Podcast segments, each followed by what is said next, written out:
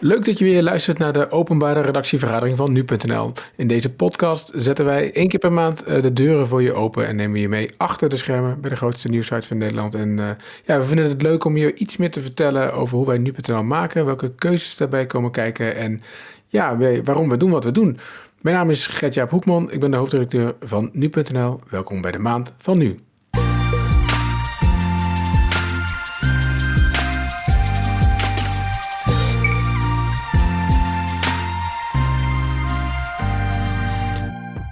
Ik heb een vraag, uh, Julien, aan jou.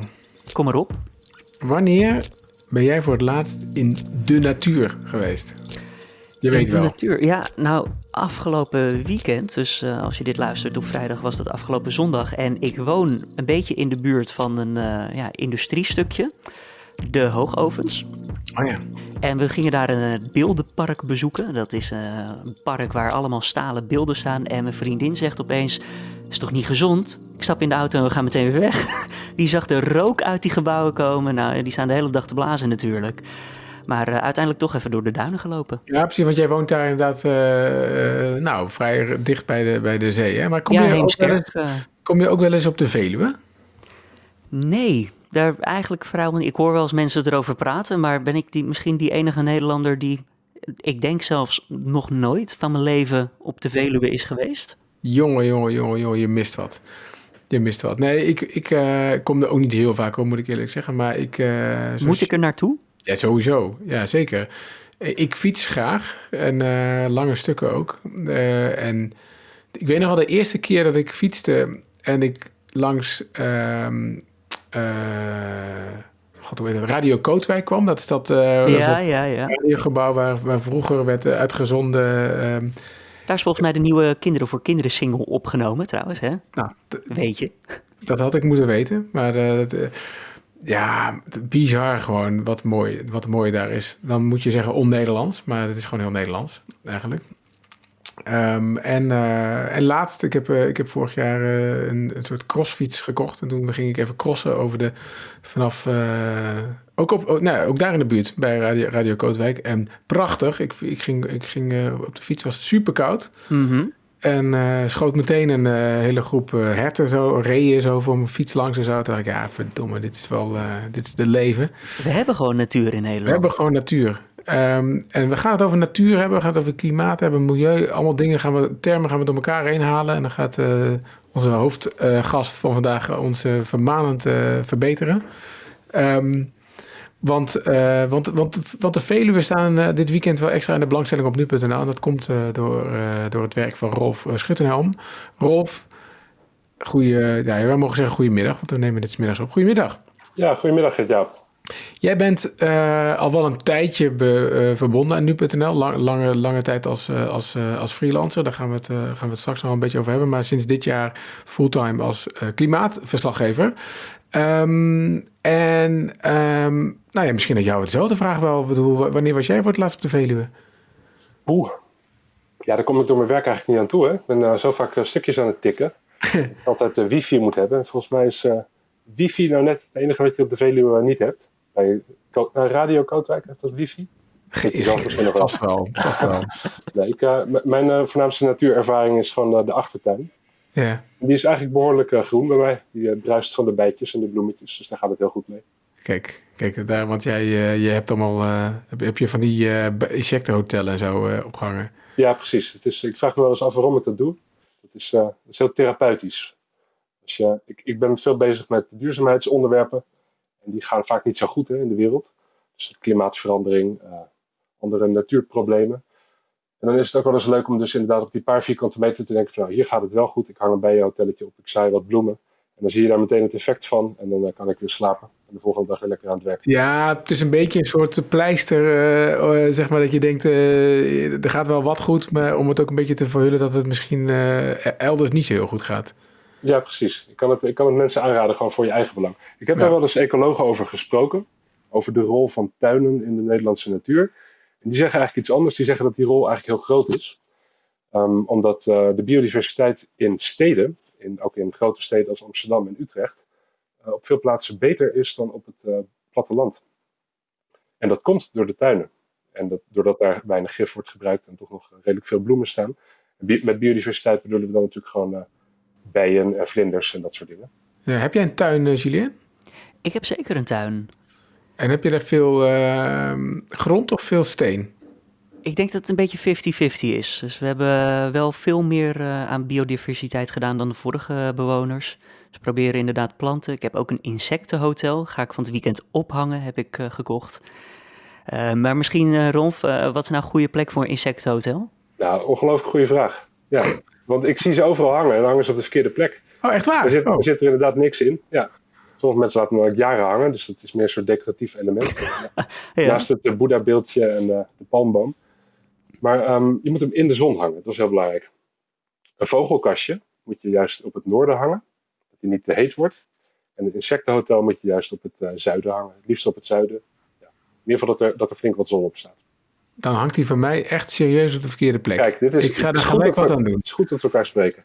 Absoluut, absoluut. um, dit, dit, weekend, want we hebben het niet voor niks over de Veluwe. Je hebt, uh, uh, nou, we brengen een, een, verhaal dit weekend, uh, zondag, waar je lang aan, lang aan hebt gewerkt. Waarom, voordat we de inhoud nou ja, meteen induiken van dat verhaal, maar waarom heb je daar zo, waarom was dat zo'n belangrijk onderwerp voor jou, de Veluwe?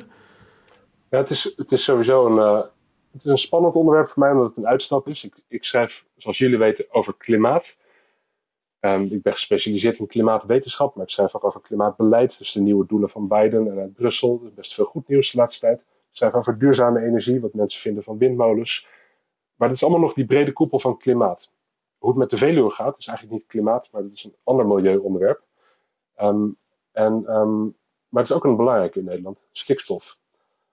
daar speelt, zoals in heel veel plekken in Nederland, in de Nederlandse natuur, speelt daar stikstofvervuiling. Uh, en dat is een onderwerp waar we allemaal wel een beetje mee worstelen. Ik dus, omdat het ook niet helemaal mijn specialisme is. Maar ik denk de journalistiek in het algemeen wel en ook de hele verdere samenleving, omdat we sinds twee jaar terug daar zo'n woord voor hebben, de stikstofcrisis. Dus dat leek opeens uh, als een soort uitstoot uit de lucht te vallen van bam, we hebben opeens de stikstofcrisis. Maar als je kijkt hoe, hoe wij daar ook over schrijven en uh, veel collega's, dan is dat eigenlijk een, een, een onderwerp van maatschappelijke hinder bouwprojecten die stil liggen, de trekkerprotesten van de boeren, politieke impasse. Minder hard op de snelweg kunnen rijden. Ja, dat jojo-beleid, hè? Hoe hard mag je nu ook weer? 130, toch? Nee, 100. 100. ja. Daar mag ik geen geintjes over maken. Ik rij zelf altijd 90, dat raad ik iedereen aan. Oké, okay, ik compenseer dan wel voor jouw tragere snelheid. Toch even, Rolf, want uh, Julien die zei het eigenlijk ook al. Even, even een klein stapje dan terug, hè, want je, want je, je, je zegt uh, klimaat uh, en je zegt milieu. veel mensen gebruiken die termen door elkaar heen, ik ook. Wat is het verschil? Nou, milieu is, is breder, dus klimaat valt onder milieu. Um, maar het klimaatprobleem, dat is het probleem van de uitstoot van broeikasgassen, waardoor de wereld warmer wordt en alle gevolgen die dat heeft. Um, en dat is een heel groot onderwerp geworden, omdat we dat ook willen oplossen met z'n allen in de wereld. Um, en daar moeten we, de hele wereldeconomie zijn we daarvoor aan het transformeren. Het is niet iets wat we nog moeten doen, het is al gaande. Dat dus gaat dat over is... opwarming en over stijging van zeespiegel als gevolg van opwarming ja, en maar dat droogte. Gaat, en dat ja. gaat ook over energiebeleid. Het gaat over de hervorming van de hele wereldeconomie. Dus dat is een heel erg groot onderwerp. Maar er zijn wel milieuonderwerpen die daar los van staan. En uh, in Nederland komen die af en toe voorbij. Of de, de plasticvervuiling in de oceanen, dat is een ander milieuonderwerp. Ontbossing op zichzelf, of gewoon het, het beschadigen van, uh, van natuurgebieden, dat is een ander onderwerp. En in Nederland hadden we, je hebt af en toe gewoon een nieuwe afkorting in Nederland, PFAS. Dat hadden we Ja. geloof ik ook vorig jaar. Ik ben zelf alweer vergeten wat het is. En dus die hele grote stikstof.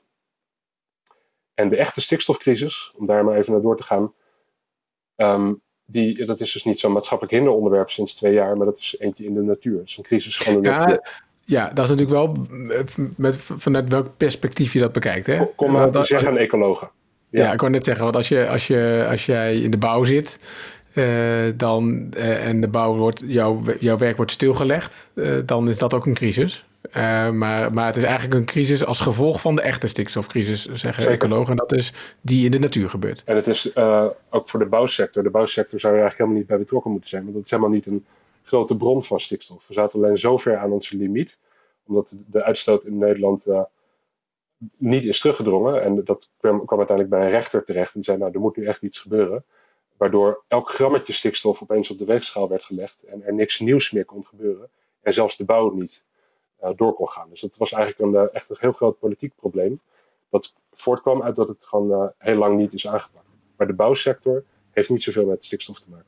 Nee, maar je hebt dus milieu, daar zit daarboven en daar, daar, daar zit dus klimaatverandering, stikstofcrisis, nou ja, inderdaad plastic, vervuiling. Dat zijn allemaal onderwerpen die daaronder onder vallen. En dan is klimaatverandering speelt overal op aarde. En stikstof is wel echt een typisch Nederlands probleem. Oké, kan je dat uitleggen waarom dat een typisch Nederlands probleem is? Nederland is eigenlijk een heel gek land. We, hebben, uh, we zijn, zoals iedereen weet, klein. Er wonen hier heel veel mensen. En toch produceren wij zoveel landbouwproducten dat we de tweede dus dat we dat niet allemaal zelf opeten met die 17 miljoen mensen. Maar dat we zelfs de tweede exporteur van landbouwproducten zijn, na de VS. Het is een hele bizarre, bizarre positie om te hebben. Landbouwproducten, uh, is dat, uh, ik bedoel, dan denk ik aan vlees, melk. Ja, exact, dat soort dingen. Aardappelen, alles eigenlijk gewoon. Bloembollen, ja. Terwijl we zo'n klein land zijn. Qua oppervlakte, ja. Ja, dus dat kan eigenlijk ook niet. en eigenlijk is het dus ook niet dit landoppervlak dat we daarvoor gebruiken, maar een veel groter landoppervlak. Dat gebruiken we. Nederland is, heeft heel veel uh, veeteelt. Dus in, in, bijvoorbeeld in Brabant extreem veel uh, productie van varkensvlees, elders heel veel melk en uh, andere zuivel. Um, en vroeger bestond het ook altijd al, maar werd gewoon het veevoer geproduceerd op de akkers ernaast. En dat werd dan deels aan de, de varkens en de koeien en de kippen gegeven. De, de koeien graasten gewoon gras in de, in de, weilanden. Tegenwoordig, omdat dus de productie is opgevoerd, importeren wij heel veel veevoer.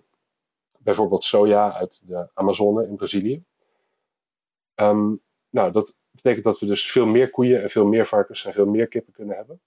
En dus ook veel meer landbouwproducten kunnen produceren en deels exporteren. Um, maar dat is een schoolvoorbeeld van een niet gesloten kringloop. We halen mineralen uit, uit uh, Zuid-Amerika, die halen we hier naartoe. Uh, andere producten die exporteren, maar er blijft één ding achter en dat is mest. En in die mest zit heel veel stikstof. En daarom is het opstapelen van stikstof niet een probleem dat we overal hebben in de wereld, maar echt specifiek in landen als Nederland. Oké, en, en, en kun je nog kort uitleggen van wat is stikstof en wat doet het?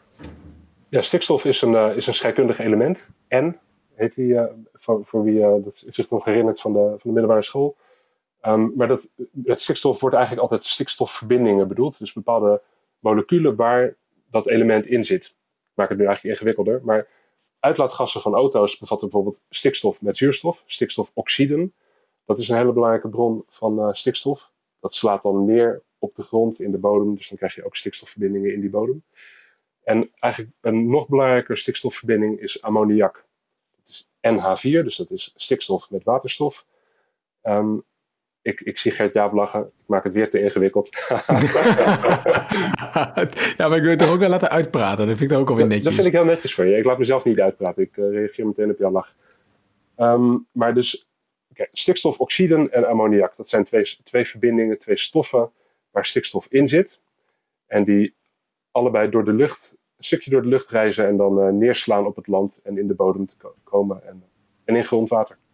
Ja, en, in, en, en, als ze dus in de bodem komen, dan, uh, uh, dan doet dat wat, wat jij noemt, dat is misschien ook een moeilijk woord hoor, biodiversiteit, maar het is gewoon niet alle, alle planten kunnen daartegen. Toch? Niet alle, niet alle gewassen, of nou, niet gewassen, maar planten en uh, bloemen, zo, niet, niet, die kunnen er niet allemaal tegen. Ja, daar denken verschillende mensen heel verschillend over. Een boer vindt, uh, vindt het een, een meststof, waar, waar je dus, planten hebben het ook nodig. Stikstof is niet per definitie slecht. Uh, te veel stikstof is een probleem. En dan moet je dus heel verschillend kijken naar verschillende gebieden in Nederland. met name ook naar de verschillende soorten natuur die we hebben. En bepaalde natuurgebieden in Nederland, ongeveer de helft van Nederland, de zandgronden, daar bevindt zich natuur die heel kwetsbaar is voor te veel stikstof. Of eigenlijk niet eens heel kwetsbaar, maar die heeft gewoon tientallen jaren te veel stikstof voor de kiezer gekregen. En daar begint het echt een groot probleem te worden. En dat probleem is inderdaad dat bepaalde planten heel goed tegen stikstof kunnen. Het zijn er maar een paar. Gras is er bijvoorbeeld één, grassoorten. Ook eh, brandnetel. En dat heel veel andere soorten daar niet zo van houden. En die snel groeiende soorten die er wel van houden, die drukken dus, je noemde het woord biodiversiteit. Dus eigenlijk de rijkdom van heel veel andere soorten drukken ze weg. Ja, dus en dat is ook waarom je zegt eh, dat een boer het als mest ziet natuurlijk, want die heeft veel aan gras. Tenminste, als je, vooral als je vee, vee, veehouder bent natuurlijk. Dan heb je gras nodig voor je koeien. Uh, dus daar is het mest voor, maar um, uh, op andere plekken um, uh, nou ja, verdrukt het dan dus andere planten. En, en dan kom je weer zeg maar, in de voedselketen, denk ik terecht, toch? Dat er dan weer bepaalde dieren zijn die, ja, ja niet iedereen houdt van gras, zullen we maar zeggen. Ik heb nog een vraag daarover. Eet gras dat stikstof dan niet op, op, op of zo? Dat het dat verwerkt in, weet ik veel, zuurstof of iets anders wat wel goed is voor de rest dan weer? Nou, dat is op gewoon een, goede vraag. Dus die stikstofproblematiek is heel oud in Nederland. Het speelt al tientallen jaren. Het wordt alleen tientallen jaren steeds erger. En het wordt erger omdat stikstof opstapelt. Dus je zou kunnen denken dat, dat de natuur stikstof kan opnemen en dat het dan vervliegt of zoiets. Het probleem met stikstof is dat het dat eigenlijk niet doet. Dus wel als je het in een, auto stopt en de, de uitlaatgassen die, die hoesten door de lucht. Um, ammoniak uit mest gaat ook een stukje door de lucht, maar als het helemaal in de natuur zit, dan blijft het daarin. En ook als gras het opneemt, dan zit het daarna in gras. En als het gras weer sterft, dan komt het weer in de bodem. Of als een, uh, een, een hert dat gras opeet en dan zit het weer in de mest van de herten. Dus dat blijft in het systeem. En natuur, natuurbeheerders die hebben vergrassing van de, van de heide hebben ze geprobeerd aan te pakken. Dat is echt al twintig jaar terug. Door af en toe de heide ook in de fik te zetten. Hopend dat dan een deel van die stikstof weer stikstofoxide wordt en wegvliegt. Uh, dat, uh, daar, daar is de temperatuur van natuurbranden te laag voor. Dus het blijft in het systeem. Hey, en, en, zonder al te veel al eh, zeg maar, te verklappen wat, wat, wat er zondag op nu.nl staat. Maar jij eh, bent dus met name in de Veluwe gedoken in relatie tot die stikstofcrisis. En, waar, en waarom heb je dat gedaan? Ja, ook wel voor een belangrijk deel uit persoonlijke interesse. Dus uh, we, we, weten wel dat het niet goed gaat met de natuur in Nederland. De grutto die gaat achteruit, onze, onze nationale vogel. We hebben ook in Nederland iets van driekwart minder vliegende insecten in 25 jaar tijd. Dus dat is, dan voel je dat er iets echt mis is. Maar je zou toch denken dat dat vooral speelt rond de, de bronnen, heel dicht bij de bronnen van vervuiling. Dus gewoon vlak naast snelwegen, naast uh, varkensstallen. En de Veluwe is, zoals Julian weet, ons grootste uh, natuurgebied uh, op land. um, en dat is dus ook goed afgeschermd, relatief goed afgeschermd van die bronnen van vervuiling. Dus dan zou je ergens denken dat het daar nogal meevalt. Um, en die vraag wil ik eigenlijk onderzoeken. Van, hoe, ja. is het, hoe is het met ons grootste natuurgebied gesteld? Ja, en, en, en de spoiler alert uh, niet zo best. Uh, ja. hè, um, we, we, hebben dubbel, dubbel nieuws, denk ik. Was je daarvan geschrokken dan? Het, het, uh, ik, ik ga soms een beetje als een robot te werk. Dus dan ben ik heel veel data aan het verzamelen. En, en dat, dat, dat, telt maar op en het telt maar op. En dan denk ik van nou, dit gaat een sterk verhaal worden. Dan gaat het op een gegeven moment gaat het over kuikentjes. De kuikens van, van mezen of de kuikens van de laatste korhoenders. Dat is een hele bijzondere fazant. Die is op de Veluwe uitgestorven. Die leeft nog net op een één heuvel ten oosten van de Veluwe, de Sallandse heuvelrug. Maar die gaat daar ook uitsterven, zeggen ecologen. Er, valt niks meer aan te doen. Want die kuikens die vinden niet meer genoeg eten. Die vinden niet meer genoeg insecten in de lente. Dat komt door stikstof. En de insecten die ze vinden, die, er zitten niet genoeg mineralen meer in. Dat komt ook door stikstof. Ja, als je het over kuikentjes hebt, dan grijpt het me altijd aan. Dus dat zijn de momenten tijdens het... Uh, het is een beetje cheesy om het zo te zeggen. Maar als je dan stel ik me voor dat die, uh, dat die dieren gewoon worstelen om te overleven. En dan, uh, ja, dan vind ik dat toch nog schokkend. Ja, en, en, en, en um, nuchtere vraag dan toch hoor. Uh, van, van, misschien een stapje van kuikens af. Maar waarom is dat erg dan dat de korhoender uitsterft in Nederland?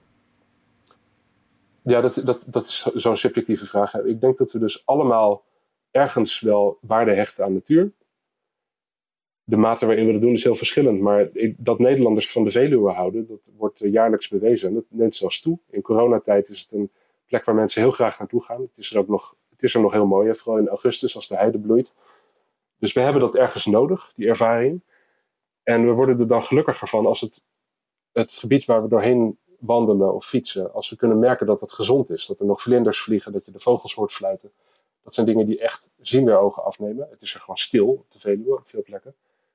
En of dat erg is, dat is denk ik een vraag waar, waar iedereen een, een ander antwoord op heeft. Maar zijn er beesten die wel juist goed uh, gaan op meer stikstof? Dat, dat er misschien een ander uh, ja. kuiken je, je ziet komt? Je ziet eigenlijk overal in aangetaste natuurgebieden dat één categorie dieren het relatief nog het beste doet. En dat zijn op zich dieren die mensen heel leuk vinden en heel bijzonder vinden om te zien. Uh, namelijk grote zoogdieren. Hm. Maar vooral met zo'n gewei erop. Um, dus herten. Maar de Veluwe dreigt een beetje een hertenkamp te worden. Dus, uh... de, Ja, wacht even Rolf. Dus dit is wel mooi. De, ja, god, de vaste luisteraar van deze podcast weet wel dat we dit, voor, dat we dit echt heel slecht voorbereiden, altijd deze podcast. Maar, maar je maakt nu eigenlijk wel het verhaal mooi rond. Want ik word dus daar heel gelukkig van. Hè? Uh, wat ik, ik vertelde al, hè? Ik, was, ik was dus bij, uh, bij, bij Kootwijk aan het, uh, aan het crossen door de bossen. En dan denk ik, nou wat gaaf, ik zie je herten. En ik was een paar weken geleden op een zondagavond ging ik over de Utrechtse Heuvelrug.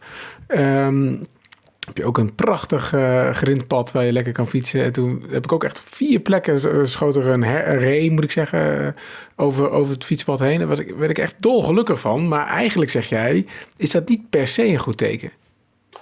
Nou, die beesten die horen er te zijn. Die horen onderdeel te zijn van het systeem. En we hebben heel veel plekken in Nederland waar je zelfs die dieren niet meer tegenkomt. Met name de edelherten. Dus op de Utrechtse Heuvelrug kom je nog reeën tegen. En op de Veluwe kan je nog reeën tegenkomen en uh, damherten, die hier eigenlijk niet horen. Maar ook edelherten. En een edelhert is wel echt een ongelooflijk gave ervaring. Dus uh, iedereen die, uh, die Bambi heeft gezien, die, dat, dat raakt je gewoon. Het is een, een het niet voor niets een edelhert. En die horen in het systeem en die zijn goed voor de natuur. Uh, maar het is een slecht teken als je die alleen nog hebt. Als je die alleen overhoudt eigenlijk als laatste groep waar het nog relatief goed mee gaat. Ja, precies. En um, um, je zegt, hè, je schrijft over, over milieuzaken eigenlijk even nu.nl. En dan kan je zeggen dat het klimaat misschien makkelijker urgenter te maken is, omdat dat echt gaat over nou ja, potentie le levensbedreigende situaties voor mensen, zeg maar op termijn. Ik bedoel, die kaart kent iedereen dat het land uh, overstroomt dat, is het dan moeilijker om aandacht te krijgen? Uh, nou ja, misschien op nu.nl überhaupt, hè, maar ook wel bij de mensen, de, de urgentie van dit probleem. Is dat moeilijker? Ja, dat, dat blijkt echt uh, dat blijkt overal. Want ik heb zelf het idee dat biodiversiteit, ik denk dat dat het woord is dat we hier aan moeten geven, dat biodiversiteit misschien tien jaar achterloopt op klimaat.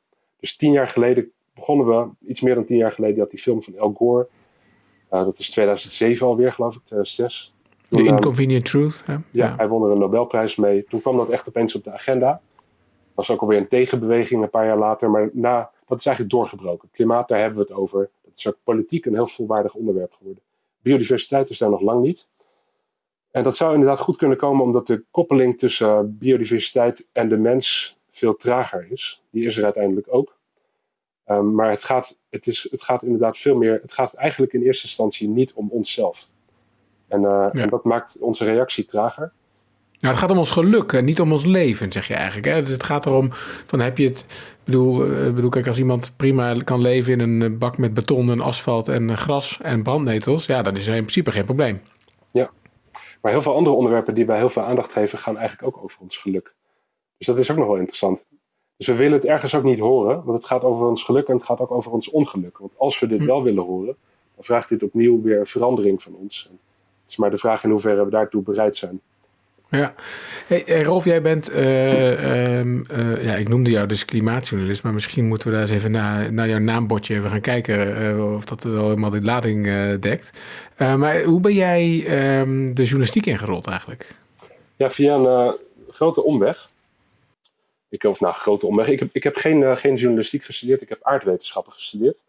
Dus bij mij begint het eigenlijk bij de, de wetenschappen waar ik over schrijf. En waarom, bij, waarom, heb je, waarom heb je dat gestudeerd? Weet je dat nog? Ja, ja goede vraag. Weet je dat nog? Want het is meer gewoon een soort gegeven. Um, nee, ik, ik, weet dat echt nog. Dat is gewoon uit, uh, uit interesse. Ook, ook interesse in de natuur. Dat had ik ook als kind. En um, ja, mijn vader was geoloog. Dus ik ben daar echt mee opgegroeid. Op vakantie wees hij me altijd dingen aan. En ik was meteen geboeid. Hm. Ja. Maar weet je ook nog uh, uh, waarom je dan geboeid was? Wat, wat boeide je dan zo? Ja, ja dat, dat is hoe een kind geboeid is. Een kind is heel makkelijk geboeid. Als je maar iets uitlegt en iets aanwijst. Kijk, een buizerd. Oké. Okay. En bij elke kraai zei ik vervolgens, hey, kijk, een buizerd. Of een, een, uh, ja. is het zo simpel, hè? Is het zo simpel dat je, dat je zegt van je hebt het of je hebt het niet? Ik, bedoel, ik heb zelf twee kinderen en ik zie dat ook wel. Bij één die heeft het heel erg en de ander heeft gewoon andere interesses. Um, maar goed, jouw vader deed dat, dus dan, dan, uh, dan, dan, dan word je er automatisch wel meer mee uh, opgevoed natuurlijk.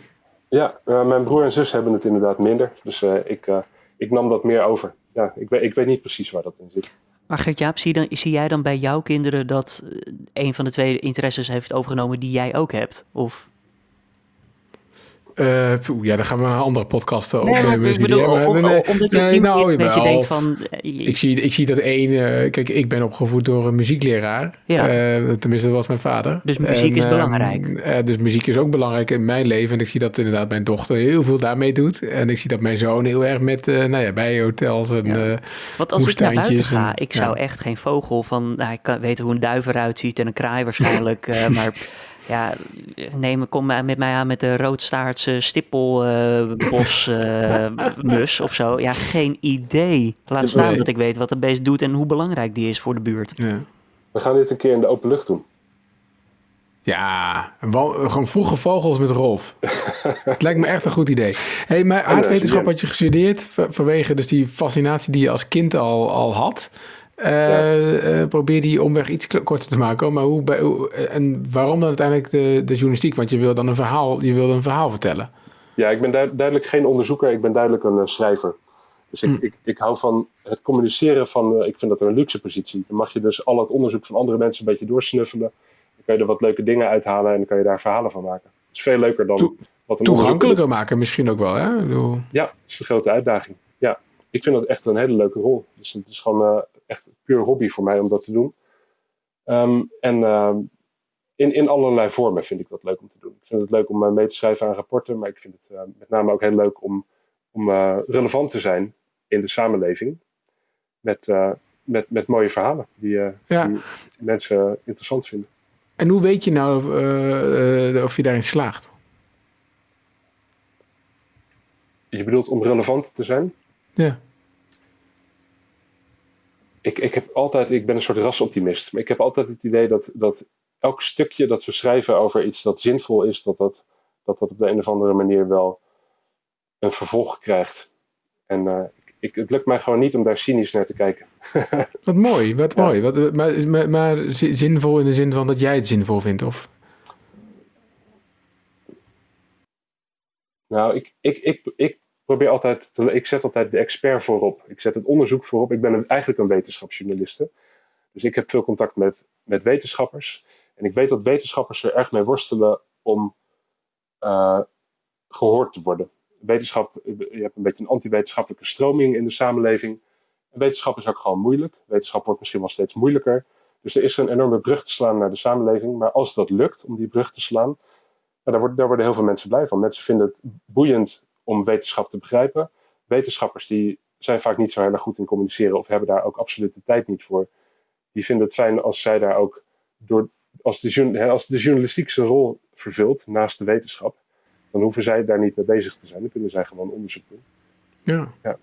Ja, ik, ik vind het wel mooi dat je er niet cynisch van wordt. Ik, kan, ik word daar soms wel cynisch van hoor. Maar dat, dat ik soms uh, denk, of tenminste dat ik onze verantwoordelijkheid uh, heel groot maken. En als, ik heb steeds eenzelfde soort verhaal hoor. Dat ik een, dat ik een man een keer tegenkwam op een congres over weet ik veel wat. Iets saais was dat.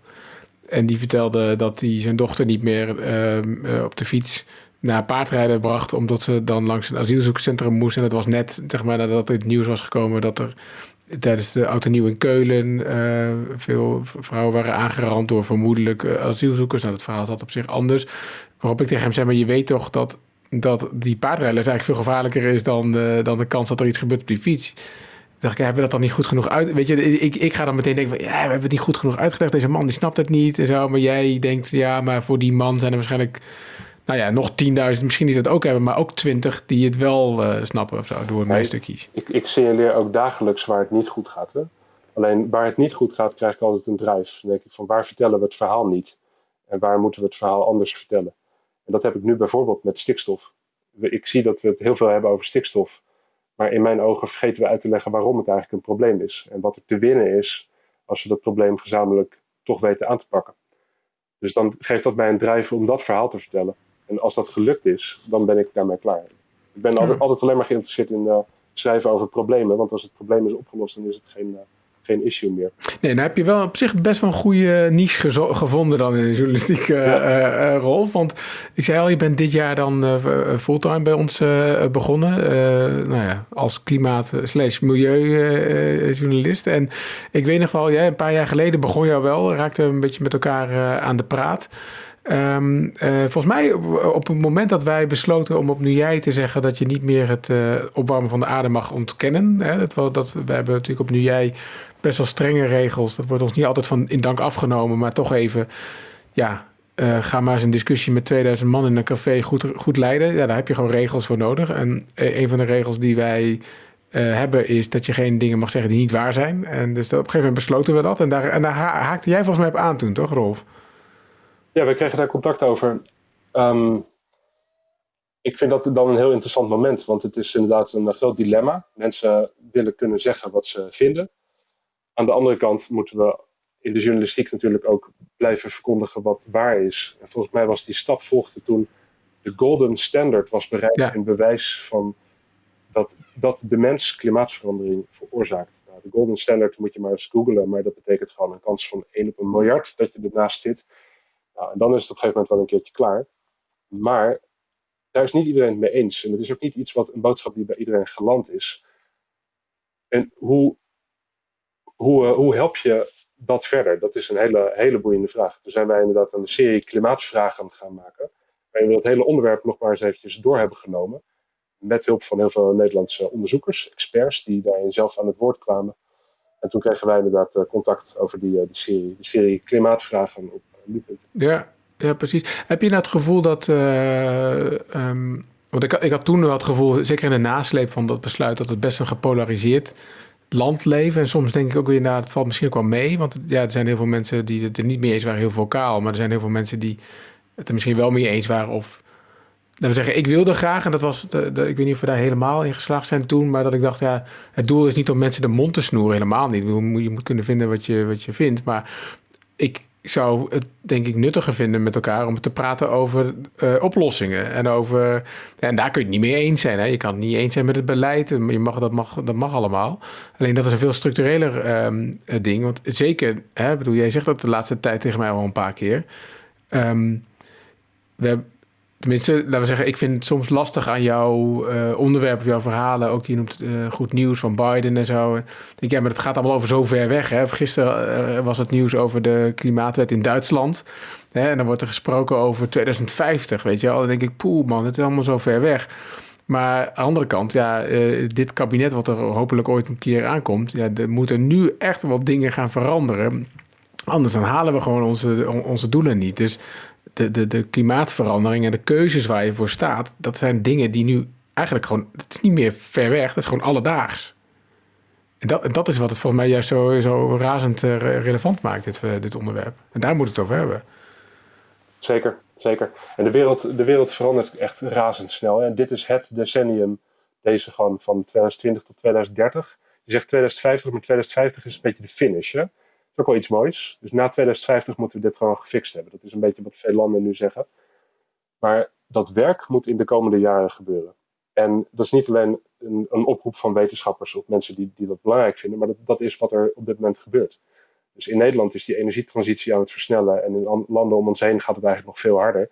En toch dat nieuwe nieuws van Biden. We hebben een paar donkere jaren gehad in de wereld. En sinds 2019 dat eh, de, de Europa de Green Deal tekende, dat heeft een soort domino-reactie in de omgekeerde richting uh, uh, in gang gezet. Waarin ook China bijvoorbeeld heeft gezegd: Nou, wij, gaan ook, uh, wij zetten ook zo'n CO2-doel dat we echt helemaal CO2-neutraal willen worden. En Japan, Zuid-Korea, misschien landen waar je het niet direct van verwacht. Zuid-Afrika, Canada, Nieuw-Zeeland en nu ook de VS onder Biden. Die hebben allemaal hun politieke inzet fors verhoogd. En dat gaat gewoon enorme effecten hebben in de ontwikkeling van duurzame energie. Dus ook de prijs van duurzame energie, de prijs voor elektrische auto's. Dus de wereld is echt in, in deze tien jaar gigantisch aan het veranderen. En je noemde net de, de mensen die ontkennen. Dat is toch uit, bevolkingsonderzoek blijkt dat dat dus echt wel een kleine minderheid is. En die minderheid die, die neemt af. Het is wel heel hardnekkig. Maar die mensen die, die zijn misschien geneigd om zich wat feller uit te spreken. Dus dan lijken ze af toe dominant. Maar het is ongeveer 15 procent. Uh, en uh, het, uh, het, aantal mensen dat. ook niet iedereen maakt zich zorgen om klimaatverandering. Dat is ook denk ik logisch. Sommige mm. mensen maken zich heel erg zorgen. Maar een grote meerderheid maakt zich zorgen. En uh, dat neemt ja. toe. En met name in landen ook om ons heen neemt dat toe. Bijvoorbeeld in de VS net wat sterk toe. Dus ongeveer ja. 70% tot driekwart van de mensen zegt dat. Dus ook republikeinen ja, in de VS bijvoorbeeld. Ja, precies. En ik denk gewoon dat misschien uh, door dat besluit dat we toenamen jaren geleden, dat, het, dat daarna de, de kritiek heel graag ging over... eh, ja, je mag van alles niet zeggen en zo. Ik, ik meen serieus dat geloof ik Wilders eh opriep om eh, de nu-app te verwijderen. En Baudet stuurde me naar Noord-Korea. Of andersom volgens mij. Wilders die stuurde me naar Noord-Korea. En Baudet die zei verwijder die app. Maar hoe, Ja, hoe weet ik was niet. het daar? ja, ik ben niet Er gegaan. komen niet zoveel mensen eh, die maken. Nou, als Nee, je ik ben een niet stukje gegaan. Ik- ongerepte natuur hebt, daar bij de DMC, eh, zou alles groeien.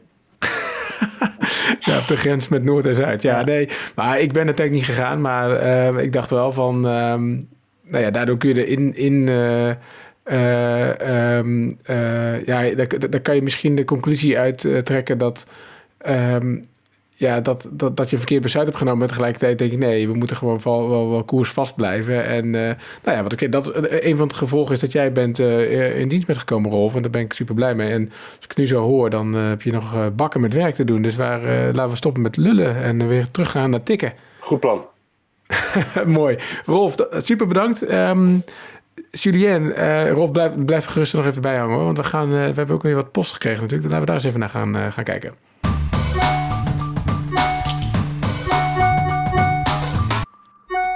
Ja, Gert-Jaap, veel mensen hebben gemaild. En ehm, vooral over de nieuwe vorm van de ochtendpodcast waar we deze week mee zijn begonnen. We doen nu iets anders. Geen groot onderwerp meer, maar meer echt een vooruitblik met verschillende quotes over wat er vandaag te gebeuren staat. Doet ook, ja, wat ons betreft, dachten we meer de naam eer aan van de podcast. Dit wordt het nieuws. Oftewel, wat staat er vandaag allemaal te gebeuren in plaats van hier willen we aandacht aan besteden. Ehm, ja, Gert-Jaap, jij hebt ook geluisterd. Ik ga ik even vanuit. Jazeker. Jouw mening? Ik, ik, werd er, ik word er wel blij van. Maar, maar zeg ik wel eerlijk bij, eh, ook omdat mijn eh, ritme natuurlijk totaal anders is nu dan... eh, Vanwege dan- corona. Vanwege corona werk ik heel veel thuis. Vroeger zat ik in de auto en dan had ik wat meer tijd om naar podcast te luisteren. Ik vind het super chill dat ik nu in 10 minuten gewoon even echt het belangrijkste weet. En dat we ook wel mensen spreken. Hè. Het is niet zo alsof er helemaal niet meer mensen gesproken wordt. En dat je echt eventjes ja, heel kort, snel een soort van eh speedbriefje krijgt voor de dag. Eh, en ik vind dat e- echt heel fijn. Ja, eh, hoe, vind je, hoe vind jij het? Nou, ik vind het ook wel lekker werken op zich. Dus ik ben persoonlijk voorstander hiervan. Ik heb hier ook eh voor gevochten als het ware, voor gestreden. Nou, zo erg was het allemaal niet. We hebben dit voorgesteld toen met het idee van daar wordt de podcast beter van. Maar als we naar de reacties kijken in de mail, ja, het is toch een beetje 50-50 met niet echt een tussenweg. Sommige Hmm. mensen zeggen ook van ik ben weer gaan luisteren nu jullie naar die korte quotes zijn gaan. Anderen zeggen van ja, dit is het toch niet. Ik vond het wat prettiger Nee. om die verdieping te krijgen, juist. eh. Ja, ik, ik, ik, ik, ehm, eh, ik- overigens, ik bedoel, laten we zeggen dat we altijd wel gaan kijken naar van hoe we misschien nog wat meer kunnen doen. Hè. Dat ik bedoel dat je in één podcast iets verder de diepte in gaat over één onderwerp. Daar valt nog steeds ook wel wat voor te zeggen. Hè. Dus eh, we moeten natuurlijk ook wel gewoon eh, ehm, de keuzes maken die we, die we moeten maken. En ehm, ja, je, ik heb wel geleerd bij nu.nl, je kan niet iedereen te vriend eh, eh, eh, houden, zeg maar. Dus ook al eh doet het voor de ene groep goed, doet het voor de andere groep niet goed. Dus ja, daarin moeten we gewoon onze eigen koers houden. En dit past wel gewoon heel goed bij nu.nl, laten we eerlijk zijn. Ja, dus kort, vind- krachtig. daarom. Ja. De enige podcast die nog te lang is, dat is degene die de hoofdredacteur doet. Ik kan er wel 30 minuten uitknippen, Gert-Jan. Ja, er dat blijft er weinig Dat is, echt, dat, is echt, dat is echt gênant eigenlijk. Dat ik als enige nog... Nou, de Formule 1 podcast, die jongens, die, die lullen ook nog wel aardig Ja, door, maar die hebben het ook opgevraagd. Hè? Bij, eh, misschien eh, gras, eh, maai ik het gras even voor de voeten weg. Maar ik keek in die mailbox en mensen willen graag... Ja, doe maar langer, doe maar meer, doe maar nog Ja. meer. Maar ja, het Ja. is ook een kwestie natuurlijk van... Ja, die tijd moeten we ook wel hebben. Nou, maar to- toch even, bedoel, kijk, de, de, de- bij sommige onderwerpen eh, eh, doen, we, doen we dat. Hè. Formule 1 is een onderwerp waar we ook goed op investeren. En, eh, en we merken dat, hè, je maakt die podcast en we, we maken ook video's daaromheen en zo. Dus dat, dat, ehm, deze podcast duurt iets langer omdat we het leuk vinden om één keer in de maand even de diepte in te gaan. En soms pakken we een bepaalde discussie en soms lichten we even een redacteur uit. Zoals nu met Rolf. Dat, we even wat, dat je toch even iets beter weet dat Rolf vroeger al met zijn vader eh, met zijn handen in de klei zat. Dat het, daar, dat het daar vandaan komt en zo. Dat is toch leuk om te weten. Eh daar mag het, iets- dan mag het iets langer duren. Zullen we er nu een punt achter zetten? Ja, is goed. Ik zeg eh, tot over een maand. Over een maand zijn we er gewoon weer. Dan ben ik benieuwd hoeveel stappen we dan gezet, gezet hebben in het stappenplan. Eh, en eh, nou ja, in ieder geval hoop ik dat, we, dat de stikstofproblematiek iets, iets eh, dichter bij de lezers is gebracht, Rolf. Eh, de- succes nog daarmee. En, eh, Ja, Rolf, hoe heet dat artikel? Waar kunnen mensen het vinden zondag? Eh, op nu.nl natuurlijk, maar het komt Ja, ergens bovenaan te staan. Ik, hoe ik, heet het? ik raad, ik raad mensen echt aan om gewoon naar nu.nl te gaan. komende zondag. En komende maandag opnieuw, want dan is een belangrijk vervolgverhaal. Kijk, kijk eens aan. Cliffhangers, cliffhangers, cliffhangers. Ehm, het is tijd voor, uh, uh, voor weekend. Fijn weekend.